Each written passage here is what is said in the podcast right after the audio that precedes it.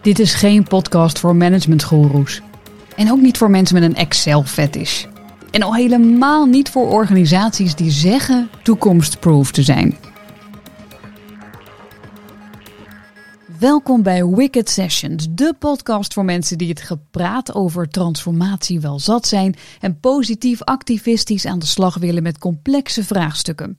In alle sectoren komen situaties en werkwijzen voorbij waarbij je denkt: kan dit bord spaghetti ook anders, overzichtelijker, leuker, impactvoller? Jazeker.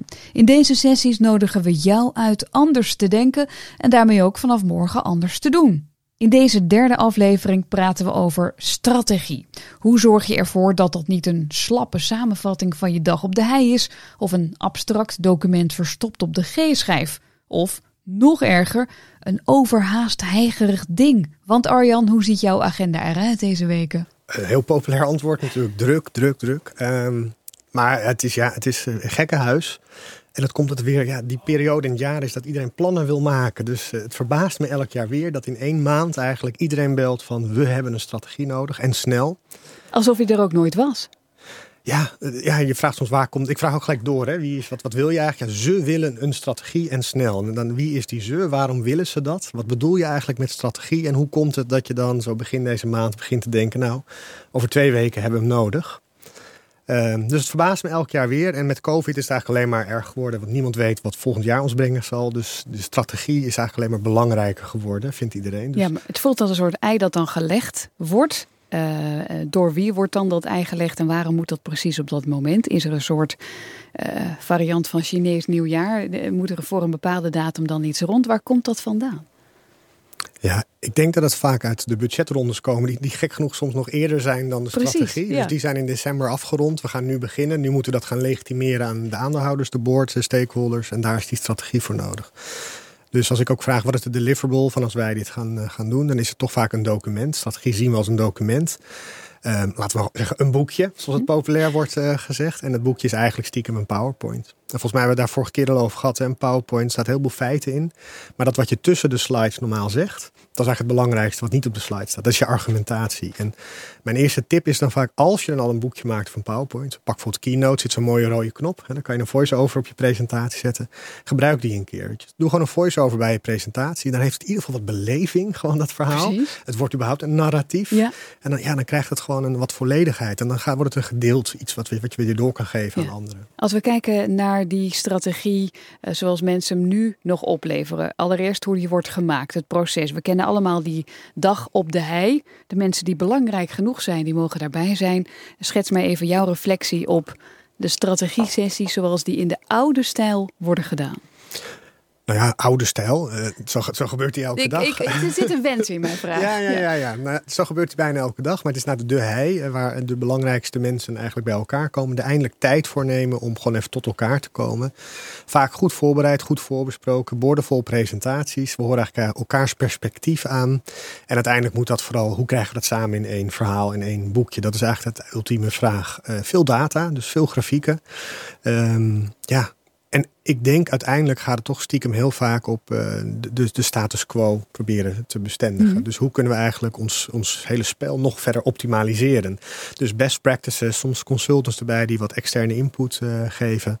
Uh, hier en daar een spreker ter inspiratie en motivatie. Maar dat is gemiddelde heidag. Die herkennen ja. we allemaal. Luxe broodjes in een hotel. Dat uh, hoort, er ook allemaal, uh, hoort er ook allemaal bij. Ik denk niet dat de strategie. Ik denk dat het belangrijk is dat we dat soort dagen hebben. Vooral voor de, de teams, zeker de, de leidinggevende teams. Belangrijk om met elkaar die dagen mee te maken. Ik denk alleen niet dat dat de strategie is. En um, je ziet vooral dat strategie dan eigenlijk wordt ingezet als een soort legitimatietool. We moeten een document hebben naar boven om uit te leggen wat we aan het doen zijn. En uh, uiteindelijk is dan die PowerPoint, die staat ergens op de F-server met een paswoord. En dat is wat strategie is. Want stel je voor dat iedereen hem kent. Ja, het is natuurlijk geheim. Het is ja. ons geheime recept. um, ik denk dat we dat echt, als je zegt, als je zegt zeggen oud en nieuw. Ik, ik merk het ook heel vaak als mensen zo'n briefing geven voor zo'n dag. Dat ik uiteindelijk ook altijd een paar vragen krijg die niet gesteld mogen worden. Er zijn een paar onderwerpen. Er is altijd de, een verborgen agenda of een pijnpunt of iets. Ja, de elephant in the room. Ja. Het begint maar niet over millennials of zo. Of uh, weet je, er zijn best wel... Uh, partijen die werken met subscription models. Dan weten we dat er heel veel mensen die betalen, maar eigenlijk niet gebruiken. De slapende mhm. gebruikers. Nou, heb het daar maar niet over. Of China, laten we daar maar niet over beginnen. Of, uh, dus er zijn altijd ergens in zo'n briefing twee, drie dingen waar we het niet over moeten we hebben. We hebben eerder een aankoop qua ICT gedaan waar we niet zo happy mee waren, maar vooruit. Nou, dat, dat, is een, dat is een tweede, denk ik. Er zijn heel veel projecten waar we eigenlijk al zo diep in zitten, maar eigenlijk niemand meer van overtuigd is. Um, dat is het laatste wat je in het boekje wil zetten. Um, en ik denk, als je, ik denk dat het zeker goed is om je extern te laten faciliteren in dit soort gesprekken. Uh, niet omdat mensen het weten, dus ga niet naar de consult omdat die meer weet. Jij weet meer van je business dan anybody. Maar gebruik extern om juist die heilige huisjes te challengen. Van wat zijn al die verborgen aannames, de dingen waar je eigenlijk liever niet aan wil, omdat je er al zo diep in zit. Dat kan heel erg uh, goed ja, werken. Wat, wat kom jij dan dan zowel tegen? Want we noemden even wat, wat grappende voorbeelden. Maar wat zie je dan werkelijk gebeuren uh, qua elephants in the room? Nou, er zijn een paar die ik net noemde. Hè. Dus we hebben vaak veel moeite om goed te kijken naar, uh, naar generaties. Dus wat is het effect? We willen allemaal talent uh, hebben. Uh, we gaan ze dan onboorden, dat talent, in onze manier van werken. En we klagen vervolgens over dat niemand initiatief neemt of nieuwe ideeën heeft. Dus ja, er, zitten een soort shifts in. Daar zullen we het straks zeker ook over hebben. Wat kom je nou tegen? Digital transition, transformatie, data-driven. elk rapport begint op dit moment daarmee, elke strategie. Dus daar komen we straks zeker aan. Um, maar ik denk dat, dat de heilige huisjes zijn inderdaad vooral uh, eigenlijk dat veel van de dingen die in het boekje staan van bovenaf zijn opgelegd. Dus het zijn vaak, uh, nou, we willen bepaalde waarden vertegenwoordigen, we moeten bepaalde groei vertegenwoordigen. Allemaal 5 procent. De economie groeit Alles niet eens gaat omhoog. Alles gaat ja. omhoog. Ja. Ik kom bij elke klant ook tegen. Allemaal groeien ze 5 procent. De economie niet. Maar, uh, dus dat betekent letterlijk, ja, dan moet je of markt maken of je moet het van een concurrent afpakken. Uh, maar dat staat dan niet beschreven. Dus je ziet heel veel dat het eigenlijk een beetje wishful thinking Ja. wordt, omdat de doelen van buiten komen. Het is een beetje een wensboom. Ja, dat, het, is, nog- het een legitimatie. Een, kijk, als jij zegt 10% van je omzet mag je besteden aan marketing. Ja, dan het eerste wat ik zou doen is mijn omzet hoog neerzetten. In ieder geval mijn verwachtingen hoog neerzetten. Want dan heb ik marketing en dan krijg je een beetje de self-fulfilling prophecy. En nogmaals, het is een, het is een heerlijke rekenregel, maar de praktijk is natuurlijk eh, anders. Ja. En dan weten we, marketing is ook best een groot budget. Dus laten we er ook maar GRP's van maken, televisieuitzendingen. Dan heb je in ieder geval redelijk een beetje beargumenteerd waar dat bedrag vandaan komt, hoe we het gaan uitgeven. Ga je dan naar de praktijk en je gaat echt eens zitten, dan willen we helemaal misschien via LinkedIn marketing of digital marketing. We zijn helemaal niet in GRP's. En is die verhouding tegenwoordig ook niet meer zoveel media en zoveel uitzendingen. Het is een heel ander soort mix Ja. geworden. Dus die 10% gaat niet meer op. Dus we moeten af van die soort externe rekenregels. Dat is leuk als een soort historisch perspectief, een benchmark. Maar zodra je de mensen die het echt moeten gaan doen zou involveren, ja, dan ga je hele andere Ja, antwoorden aan de krijgen. randen van de organisatie noem je dat? Ja, nou kijk, ik denk dat we soms een beetje door de war halen wat een strategie is en wat strategisch is. Strategisch betekent vaak abstract, een beetje lang eh, vooruit. En prima dat, dat, een- dat daar een plek voor is, zoals de board die daarover nadenkt. Maar strategie zou eigenlijk van iedereen moeten zijn. Ik denk dat strategie een houvast moet vormen voor iedereen in de organisatie. En zeker in die nieuwe, wat meer platte organisaties, eh, zit de waardecreatie echt aan de grenzen. Bij de kassa, de mensen die thuiskomen, de callcenters, de verk, daar zit de waardecreatie. Dus die mensen moeten ruimte krijgen om beslissingen te nemen. En dat is een soort flip. Het is niet de, de, de board die de beslissingen neemt. En vervolgens moet, is dit strategie die vertelt hoe het allemaal hier moet. Nee, als je strategie echt als een experience inricht, als een proces waar iedereen aan meedoet, is het meer een bottom-up manier van wat hebben wij nodig om daar te kunnen komen met z'n allen. Maar dan schept het ruimte. Het is niet een controlerend mechanisme. Het schept juist ruimte voor iedereen in het veld om zelf beslissingen te kunnen nemen. Maar dat vinden mensen natuurlijk best lastig om dan strategie te definiëren, A. En B, in te vullen. Wat is het dan wel? Eh, mensen zijn misschien bang, ja, wordt dat een soort, in plaats van een hij-sessie, een, een Poolse landdag waarbij iedereen mag zeggen wat hij of zij vindt. Ik chargeer. Ja, nou, dat, dat woord mensen is altijd levensgevaarlijk. Wie zijn die mensen dan? En dan hebben we het heel snel over die mensen. Begrijpen strategie niet, is allemaal te complex. We maken het heel complex. Zeker met veel externe rapporten, veel data, weinig gevisualiseerd, eh, veel jargon. Ja, dan kan je strategie heel complex maken. Maar als je even streeft naar een A4 business plan. Iedereen in mijn organisatie heeft een A4'tje met een businessplan. En ik kan jouw A4'tje lezen. Ik begrijp het ook, Ja. hetzelfde format. En die van mijn, van mijn baas of mijn partner. Dan, dan gaat het al leven. Maar strategie gaat er gewoon denken om, om het proces. Als jij een strategie van boven krijgt en je krijgt volgens een, een KPI van 30 en een target van 10, zonder dat er aannames erachter zitten. Zonder, het zijn altijd overwegingen achter. En als je die niet ziet en je staat in het veld, je bent alleen maar die 30 aan het nastreven, dan word je ook blind van alles om je heen. Terwijl weet je wat de aannames, de intenties zijn en je hebt ruimte om zelf beslissingen te nemen, dan zie je veel sneller waar het afwijkt. Zie je ook sneller nieuwe mogelijkheden. Dus, en dat is volgens mij wat iedereen die naar zijn werk gaat en overdag bijvoorbeeld met klanten zit of in teams werkt, eigenlijk het leukst vindt om te doen. Dus ik denk dat strategie helemaal niet moeilijk is. Het is gewoon hoe kan je mensen die ruimte geven en hoe kan je zorgen dat er een soort two-way street ontstaat. Dat, dat mensen die feedback die ze leren van waar zit de kans, waar zijn mogelijkheden, wat werkt, dat eigenlijk weer terug kunnen geven en ons daarin verbinden. Maar dan moet je strategie naar het inrichten als een proces, iets wat ook ongoing is. Ook nieuwe vormen vinden, geen dikke boeken, maar A4'tjes. En, uh, en dan kan het, uh, kan het echt. Ja. Wat kunnen we leren van Tesla? Ja, nou, Daar kijk, is de strategie volgens jou uh, loud en clear. Nou, weet je, volgens mij was er een paar weken geleden weer zo'n rapport. Uh, en daar stond in dat 95% van alle medewerkers van dat onderzoek, het was van de Harvard Business Review, um, kennen en weten eigenlijk niet wat de strategie is van hun onderneming. Nog geen 20% van senior management kent de doelen van hun eigen raad van bestuur. Dus dat, is echt bizar. Dat is de, ja, dus dat is, dan zie je dus dat strategie naar boven is gericht. Het is een legitimatie naar boven. Het, is, het is zo'n leuk proces als je het inricht. Mm -hmm. Het is zoiets verbindends als het inderdaad een narratief en een proces is. En dat zie je bijvoorbeeld bij Tesla. Um, je kan natuurlijk van Musk van alles vinden van, uh, van de beste man. Maar die heeft eigenlijk in het begin gezegd: ik maak een sportscar. En die ga ik heel premium in de markt zetten. Dat bewijst dat elektrische auto's sexy kunnen zijn. En met die premiumprijs ga ik proberen een affordable car te maken. En met het geld of de daarmee verdienen ga ik een nog meer affordable car te maken. En dat is letterlijk wat hij aan het doen is. En dan had hij nog een vierde. Ondertussen gaan wij een, een zero emission energy source ontwikkelen. Zodat we de bottleneck in handen hebben. Nou, ik weet niet wie het nieuws gevolgd heeft, maar elk merk heeft een prachtige elektrische auto uh, gelanceerd. En allemaal uh, kunnen ze niet leveren, omdat ze geen batteries uh, hebben. Dus je kan hem afrekenen op productiecapaciteit en alle klassieke targets die we hebben. Maar volgens mij heeft iedereen die daar werkt, kent deze vier, vijf principes. Ja. En dat is een voorbeeld van waar een strategie eigenlijk heel erg doorleefd wordt door iedereen. Het is heel begrijpelijk waar we het voor doen. Ja, als je kijkt naar jouw eigen geschiedenis, wat heb je daar geleerd over strategie? Nou, ik ben opgevoed in de HP Way. En dat was natuurlijk het, uh, het van hoe het moest. Uh, dat was natuurlijk heel vroeg op Kaizen of Lean noemen we dat. Ja, wat, wat ik daar zelf fascinerend moet... Uh, de strategie was ook van mij, weet je. Dat was een matrixorganisatie, dus ik moest mijn strategie maken. En daar moesten altijd twee dingen in zitten. Allereerst, ik moest proberen elke dag een beetje beter, slimmer, sneller te werken... in mijn business as usual. Dus dat was een soort target, de lean target. Elke dag een beetje beter worden. In de hoop dat ik misschien 10, 20, 15 procent van mijn tijd zou besparen. En dat was dan de vijfde pijler in mijn strategie. Die kon ik dan volledig besteden om een doorbraak te realiseren. Dus het was niet de management die beslissingen nam en die waren met innovatie bezig.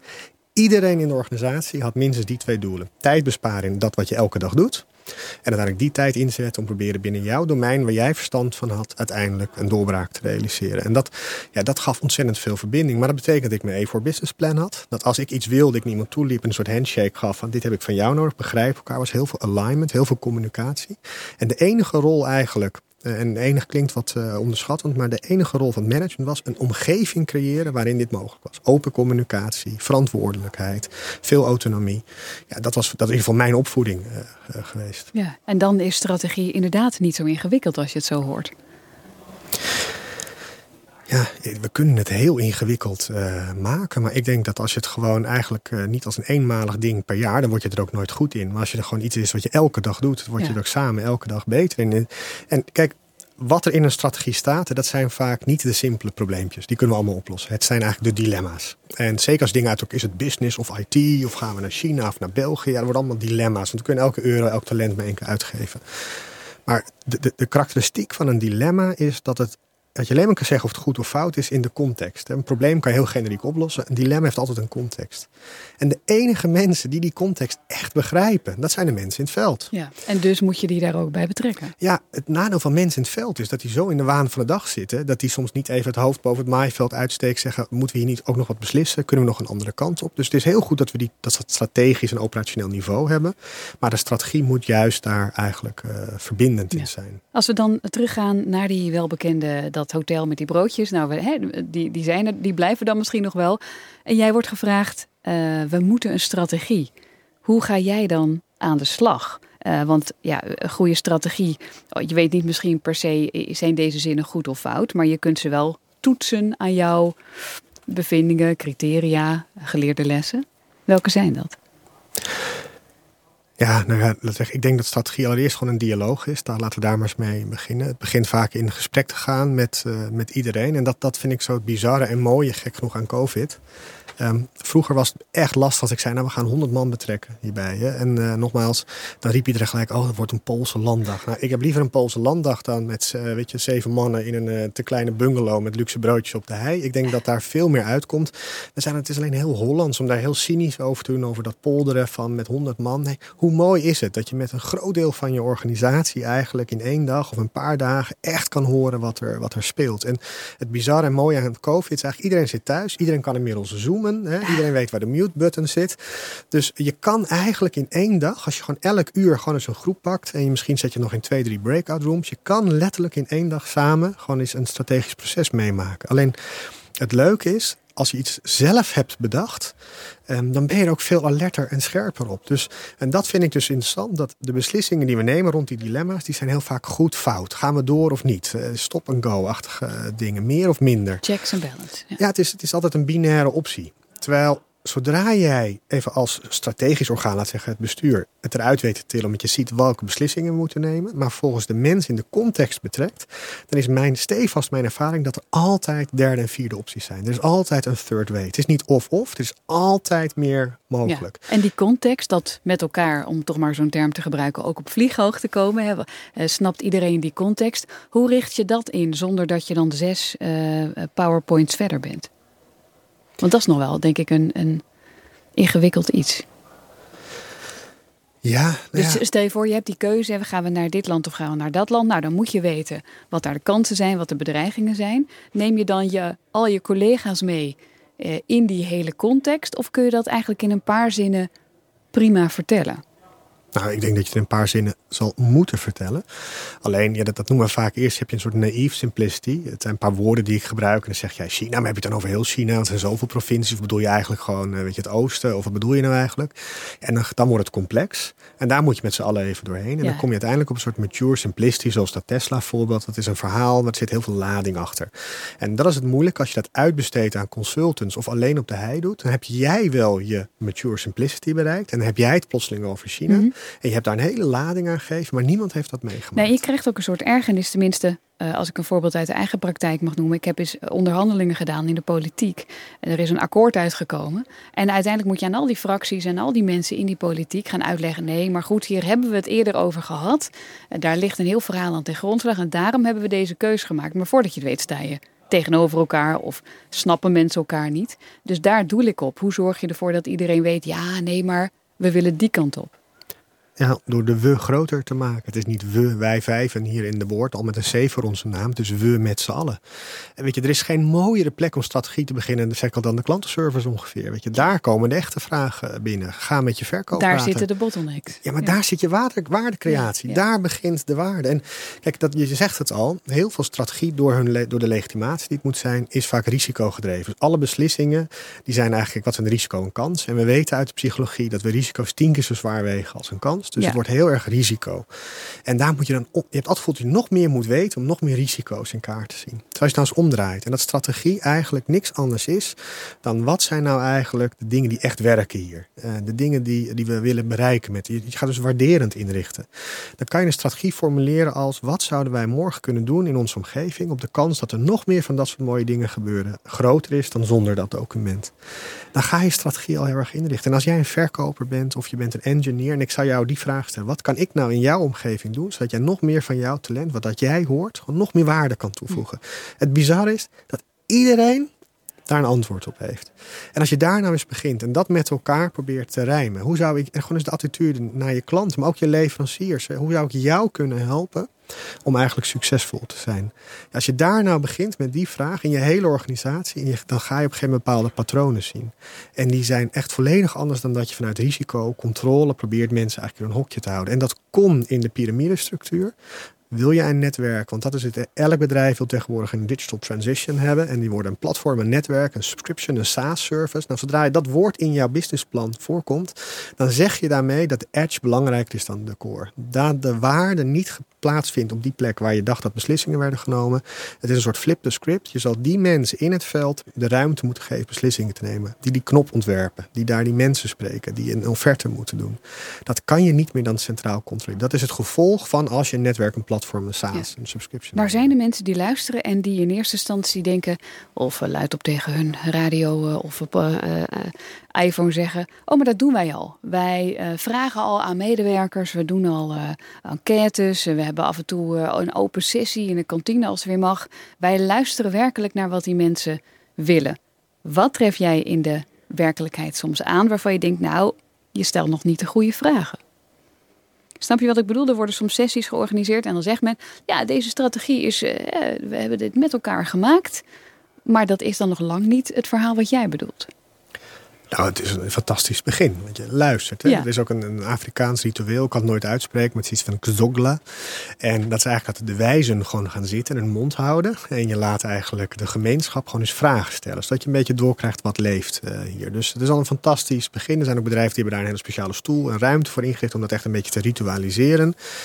Um, ik denk alleen de mindshift soms is.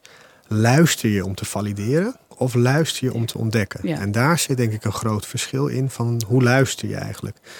Kan je het ook weerstaan om geen antwoorden te geven? We hebben een beeld van leiderschap, uh, weet je, dat niet altijd wel weten. Ik weet het niet, maar die overzien alles. Die staan boven op die rots, die weten het. En ik geef vaak Zuckerberg als een voorbeeld ten opzichte van Musk. Waar Musk gewoon zo'n duidelijke stip op de horizon uh, zet. Zegt uh, um, Zuckerberg eigenlijk veel meer van, ik weet het ook niet. Maar mijn strategie is van, A, Um, probeer altijd mensen te vinden die slimmer zijn uh, dan jij. Uh, die een bepaalde conviction uh, hebben, een bepaalde drive. Testen, proberen, testen, proberen, testen, proberen. En zorg dat je lang bij elkaar blijft. Dat je de tijd neemt om elkaar te leren kennen en dingen te leren. Dat is eigenlijk, ja, daar kan je, en, kan je anywhere heen. Dus dan zie je eigenlijk al, je kan dus de Musk-kant nastreven. Zegt, het is heel duidelijk waar we heen gaan. Je kan ook eigenlijk bijna discovery bijna als je strategie maakt. Wat Zuckerberg doet. Kijk, ik denk, zonder we één stap ehm, één stap terug, want dat zit in dat woord strategie een beetje opgesloten. Als ik ging, googlen gisteravond strategie, dan eh, plaatje nummer vijf is een schaakbord. Op de een of andere manier is schaken nog steeds onze metafoor van leiderschap en strategie. En dan zie je eigenlijk, als we, dat, dat, dat, dat komt een beetje terug op jouw vraag strategie was eigenlijk dat Julius Caesar en zijn, uh, zijn gelijken zaten in een tent. En die gingen nadenken en die lieten die zich adviseren. En die zeiden, we gaan linksaf. En dan stapte iemand, een ruiter, op een paard. En die deed een document onder zijn arm. En dat document heette de strategie. Dat betekende letterlijk het woord van de heerser. En die ging naar dat front en die zei, we gaan linksaf. Nou, knokken. En dan ging de ruiter weer terug met de resultaten. En dan ging Julius weer nadenken. Dat was wat strategie is, schaken. Maar de wereld is geen schaakspel meer. Er is niet één front, één vijand, één concurrent. Het is een soort zevendimensionaal schaakspel schaakspel geworden op een dambord. Uh, dat is niet meer de metafoor van deze tijd. Bij Friesdammen mag je trouwens alle kanten op. Dus misschien nou, dat moeten we de volgende keer eens uh, leren. We hebben ook schaakborden met uh, drie spelers. Ja. Er zijn allerlei nieuwe varianten. Maar het is, en soms moet je even die metafoor gewoon even heel duidelijk benoemen. We moeten naar een nieuwe metafoor toe. Want er zijn verschillende fronten. Het is, het is sneller, het is geconnect, het is dynamischer. De strategie kan niet meer in die tent waar een paar wijze mannen met elkaar nadenken. Het, is, het moet diverser zijn. En dan denk je van, nou, er moeten ook vrouwen in de boord. Absoluut. Maar diverser betekent want we moeten gewoon heel veel diversiteit hebben. Dus betrek je organisatie. Maak van strategie geen document, maar maak er echt een, eh, een experience van. Ja. Als we dan kijken naar die experience. Nou, volgens mij hebben we daar al een aantal dingen over benoemd. Hoe beleef je dat? Hoe kun je dat ook met elkaar doen? Juist een pleidooi voor wel zo'n Poolse landdag. Um, als je dan, stel je voor, iemand die luistert of die, die komt zo meteen thuis en die pakt toch eens even nog die multimap uit de kast. Of dat schitterend uh, gebonden boekje. En die gaat er eens doorheen bladeren. Wat voor vragen moet diegene zichzelf stellen? Wat voor toetstenen heb jij op jouw papiertje staan? Nou, ik zal er straks een paar, een hele paar concrete geven. Ik denk dat het al een hele mooie vraag is die je stelt. En die kan iedereen thuis dus afvragen. Als je nu, maar echt ook nu je strategie moet pakken. Waar ligt die überhaupt? Onder je kussen. Dat is eh, vanzelfsprekend. Nee, maar zit hij op je smartphone? Staat hij op de F-server? Staat hij, hoe ziet hij eruit? Waar staat hij? Hoe up-to-date is hij? Wie kent die strategie? Wanneer is de laatste revisie geweest? je, je kan gewoon even, daar even gewoon even status quo. Dat is denk ik al een, eh, een heel goed begin. En slaan is uh, open. gaan we wel vanuit dat het een document is. Of misschien is het een Wikipedia-achtig format. Maar weet je, slaat hem open.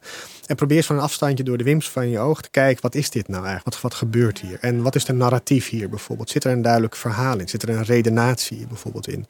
Um, waarom is dat narratief? Want dat woord gebruik je vaak. Waarom is dat zo belangrijk?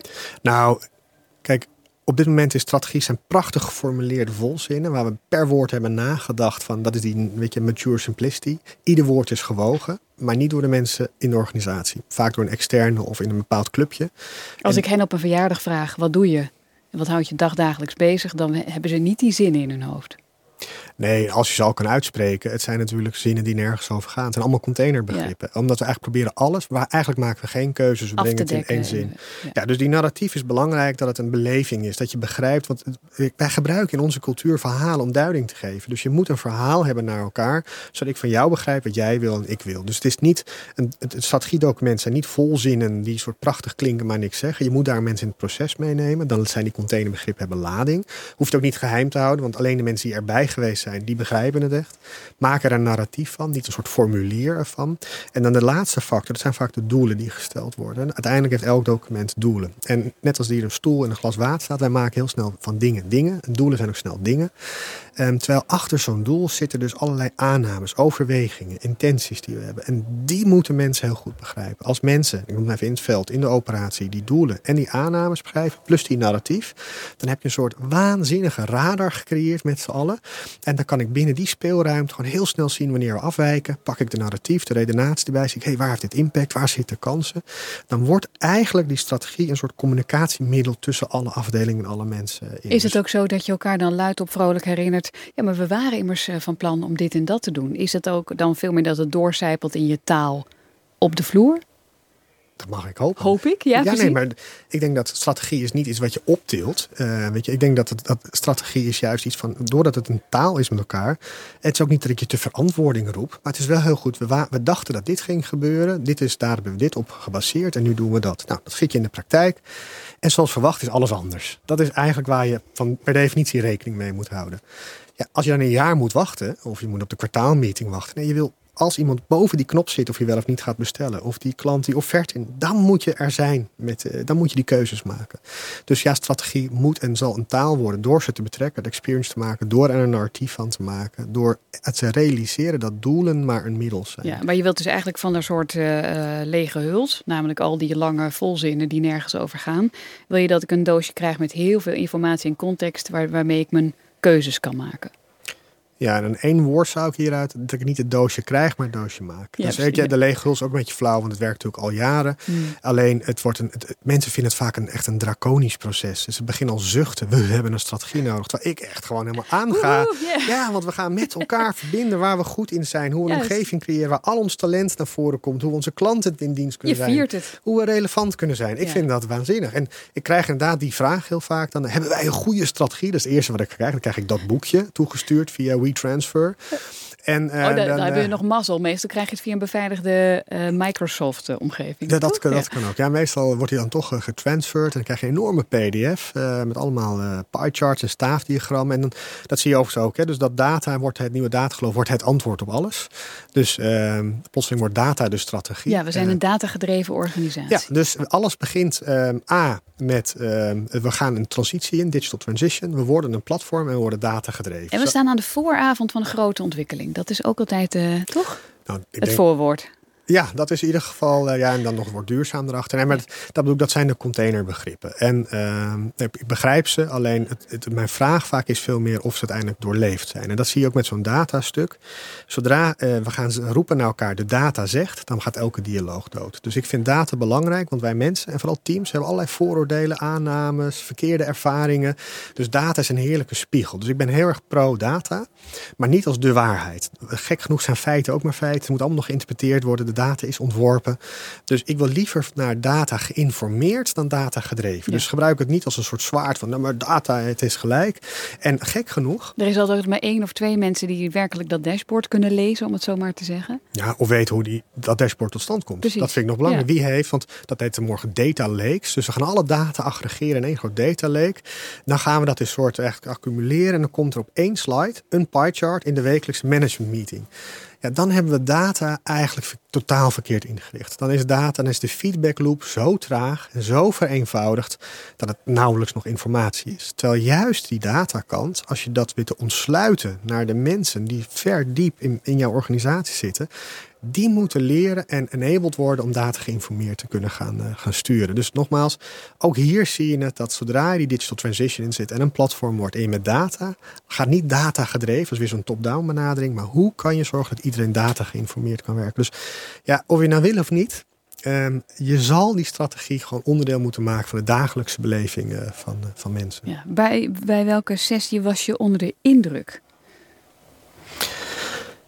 Oeh, ja, nou dat zijn, uh, dat zijn er best, best veel. Want het is altijd überhaupt een fascinerend proces. Het zegt vaak heel veel over de cultuur de indruk kan soms op hele verschillende manieren zijn. Ik ben onder de indruk dat zelfs een bedrijf als KLM zo'n eh, zo'n Xogla-ritueel uh, implementeert. Um, zeker ook als je naar Transavia en KLM kijkt, dan, uh, dan vind ik dat gewoon heel bijzonder hoe een bedrijf een soort entiteit heeft hoe daarmee omgaan. Die proberen oprecht veel mensen te, te betrekken. Ik vind natuurlijk het hele verhaal van Ricardo Semler, van Semco, natuurlijk indrukwekkend was ik zelf niet bij. dat is natuurlijk waar we het veel van, veel mensen die dit horen zeggen, oh, het is een beetje in die stijl. Ik denk dat we dan wel echt soms moeten bedenken dat toen Ricardo Semler dat bijvoorbeeld deed. Toen was het een diepe crisis in Brazilië. Het hele dorp werkte in zijn fabriek, man en vrouw. Dus als hij failliet zou gaan, dan was gewoon alles over. En toen heeft hij een soort noodgreep op een gegeven moment gezegd: jongens, van oké, als we nou met z'n allen hier zitten, wat zouden we dan moeten doen? En daar ontstond zo'n spirit uit. En daar kunnen we ontzettend veel van leren. Maar ja, als ik hier naar het raam kijk, zitten we gewoon in een soort hoogconjunctuur. Hier het is wel COVID-crisis, maar alles beweegt en doet en groeit en bloeit. Dus het is wel even een andere setting. Je kan die regels niet zomaar kopiëren. Maar ik denk dat er dat soort voorbeelden heel mooi zijn. Maar ook in een sessie met, volgens mij was het Schiphol gezeten. En wat ik daar heel bijzonder vond, dat uh, daar waren ook veel mensen bij betrokken bij het proces. En dan heb je natuurlijk de mensen van de logistiek. Die moeten je zo snel mogelijk van autostoel naar vliegtuigstoel krijgen. En zit daar de afdeling retail. En die wil je zo lang mogelijk ophouden tussen autostoel en vliegtuigstoel. Nou, toen dacht ik, nou, dit wordt een interessante onderhandeling. Wordt een soort bokswedstrijd van wie wint. En wat ik echt waanzinnig vond, dat zij zeiden nee, de spanning mag blijven bestaan. Jullie hebben gewoon een ander doel waarbij wij verschillende doelgroepen proberen een bepaalde serviceniveau uh, te bieden. En dat vind ik dan heel knap. En dat je niet een soort transactiewedstrijd, en dat is vaak wat strategie is. Nee, uitwisselen. Ja, het wordt een onderhandeling, het wordt transactie, piketpaaltjes. Ja. Nee, zij gingen echt kijken van wat kunnen wij nou in een omgeving doen dat jullie allebei, waar jullie voor staan en die, die doelgroepen die jullie dienen, eigenlijk uh, ja, kunnen leveren.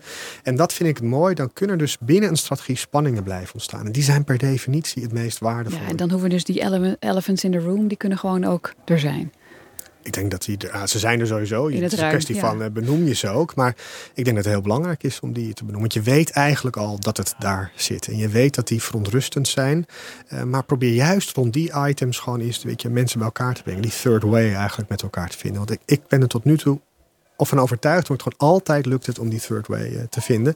En gek genoeg nooit buiten, altijd binnen. Het is altijd gewoon dat eigenlijk als je met elkaar erover gaat zitten en even en abstract en genuanceerd kan nadenken, dat je denkt, ja, hij ligt gewoon op de drempel. We zagen hem alleen niet. En dat kan je alleen maar samen uh, bereiken. Zijn er een soort uh, leidende principes die je kan hanteren als ik die strategie vormgeef met een heleboel mensen bij elkaar? Hoe kan ik steeds ook kijken, ben ik goed bezig? Is dit wat, ik, wat we met elkaar wilden?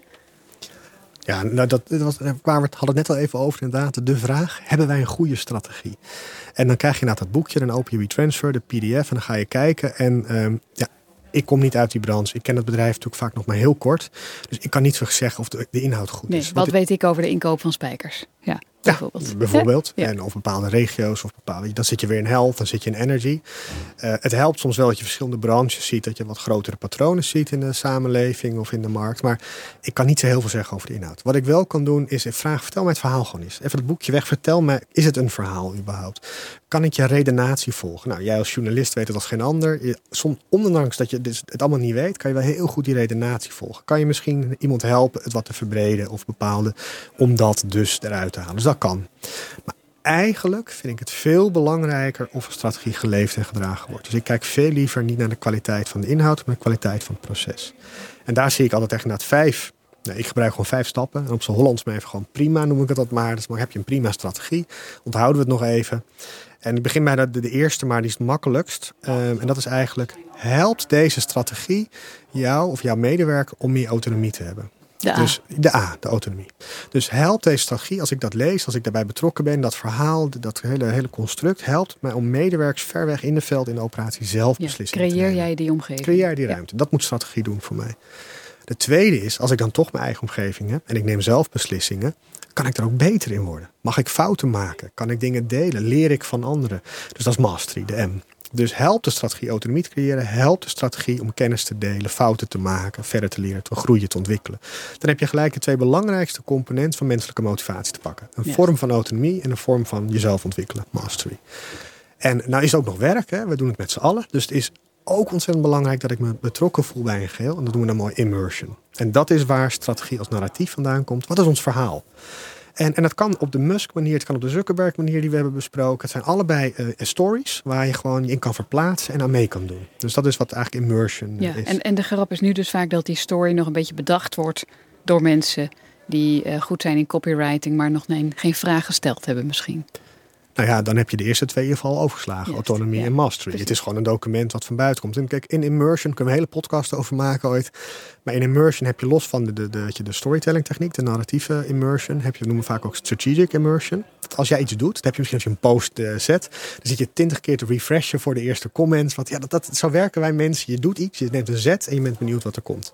Dat noemen wij strategische immersion. En dat zie je dus al. Als je mensen betrekt in het maken van een strategie en zelf hun intenties uitspreken, hun eigen doelen uh, stellen, uh, dan zijn ze ook gelijk nieuwsgierig of het gaat lukken. Dus je hebt vanaf dag één gelijk die engagement die je zoekt. Dus de narratieve structuur, dus is uh, je, je experience of je, is je strategie inderdaad een narratief, maar is je strategie ook een experience? Is heel belangrijk om mensen gelijk betrokken te maken. Dus je hebt dan op dat moment, als je autonomy, mastery en immersion hebt, gemotiveerde, betrokken mensen. Ja. En dan moet het geheel ook nog een beetje werken. Dat niet ieder voor zich op zijn eilandje het voor elkaar heeft, maar je wil ook een soort synergie hebben met elkaar. En dan komen we op de R van relatedness.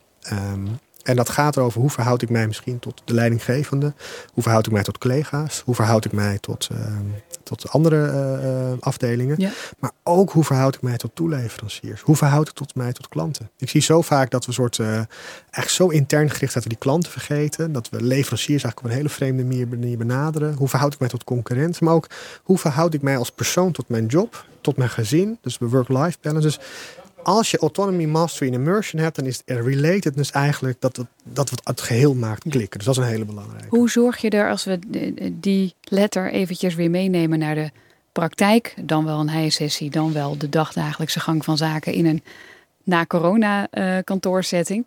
Hoe zorg je ervoor dat je die relaties uh, goed kunt bespreken? Want niet iedereen is ontzettend open of, of kan de taal vinden om de relaties uh, te beschrijven. Hoe help je mensen daarmee? Nou, daar zullen we het uh, zeker nog een keer moeten over hebben. Want dan kom je heel snel natuurlijk als leidinggevende in de coachende houding. Hè, van uh, laten mensen werken door goede vragen te stellen. Mm. En het begint door mensen van dag één te betrekken. En niet van dit is een template, vul hem in, stuur hem op en dit is dit het. Dit is ons onboarding het. Het begint gewoon met het gesprek. En dat is ook wat je ziet. Een grote verschuiving naar leidinggeven in een soort coachende houding. Uh, van wat wil jij nou eigenlijk bereiken? Hoe ervaar jij dit? wat zie jij als de grootste uitdagingen? En dat kan je doen als individu, dat kan je met je team doen. Het is ook heel transparant zijn. Hè? Dus geen geheime documenten op de F-server, maar maak het transparant.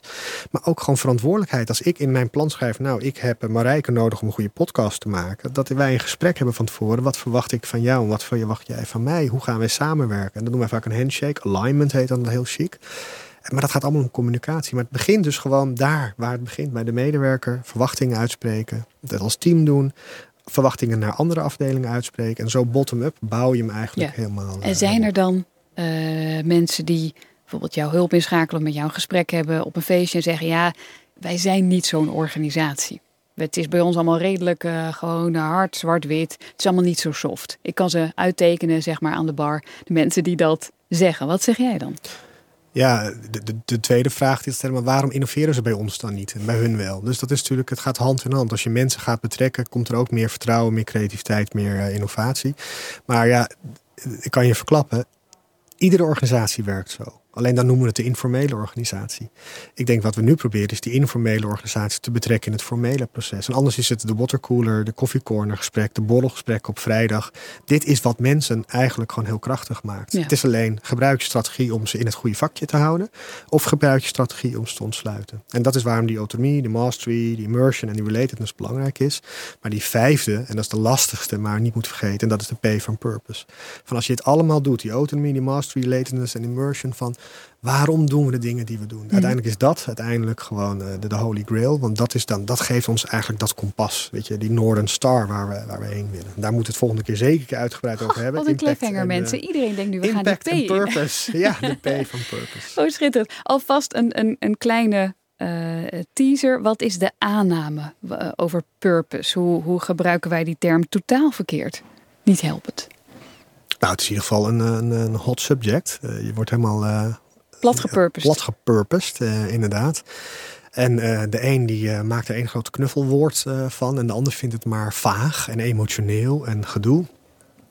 Ik zie heel veel mission statements die tegenwoordig purpose statements heten. En global dominance is plotseling uh, vervangen door een ander mooi woord. sustainable of uh, iets anders prachtige, beauty of zo, dat soort woorden. Dus ja, ook daar gaat het om. Wat, wat, wat betekent purpose nou eigenlijk? En hoe verhoudt purpose zich nou eigenlijk tot impact? Voor mij zijn dat hele andere woorden. Maar we gebruiken ze eigenlijk, we vervangen het continu door elkaar. Dus wat is nou purpose, wat is impact? En hoe kan je dankzij purpose eigenlijk meer impact maken? Want en als ik dan allerlei marketingbladen lees, meneer Ritson, die wordt daar vaak uh, gequote. Die zegt dan ja, ik word helemaal, helemaal lijp van al die organisaties die maar met hun purpose aankomen zetten. Het leidt tot niets. Wat zou je in ieder geval tegen die man willen zeggen om ook te luisteren naar de volgende podcast? Nou, dat is natuurlijk ook een linkje naar wat we net uh, het afgelopen half uur besproken. Volgens mij zei Eisenhower het al heel mooi van... Uh, hij zei, a plan is worthless, but planning is gold. En daar zegt hij het eigenlijk al van, je hebt niks aan een plan, maar het proces van plannen met elkaar, dat is waar je het voor doet. En dat geldt bij purpose straks eh, net zo. Een purpose statement om de muur heb je niks aan. Maar het proces om met elkaar een common purpose te definiëren, ja, dat is gewoon uiteindelijk wat het vuur, de passie is van jouw organisatie straks. Mooi. Dat in de volgende podcast. Gaan we zeker doen. Dankjewel. En merk je dat je nog fronsend of vragend zit te luisteren, heb je meer ja, bandbreedte in je hoofd, ruimte en creativiteit nodig. Er is geen goed of fout, hè? maar er is wel een website waar we graag met je meedenken. Ga naar wickedsessions.nl en deel jouw bevindingen of vragen. Een mooie dag gewenst.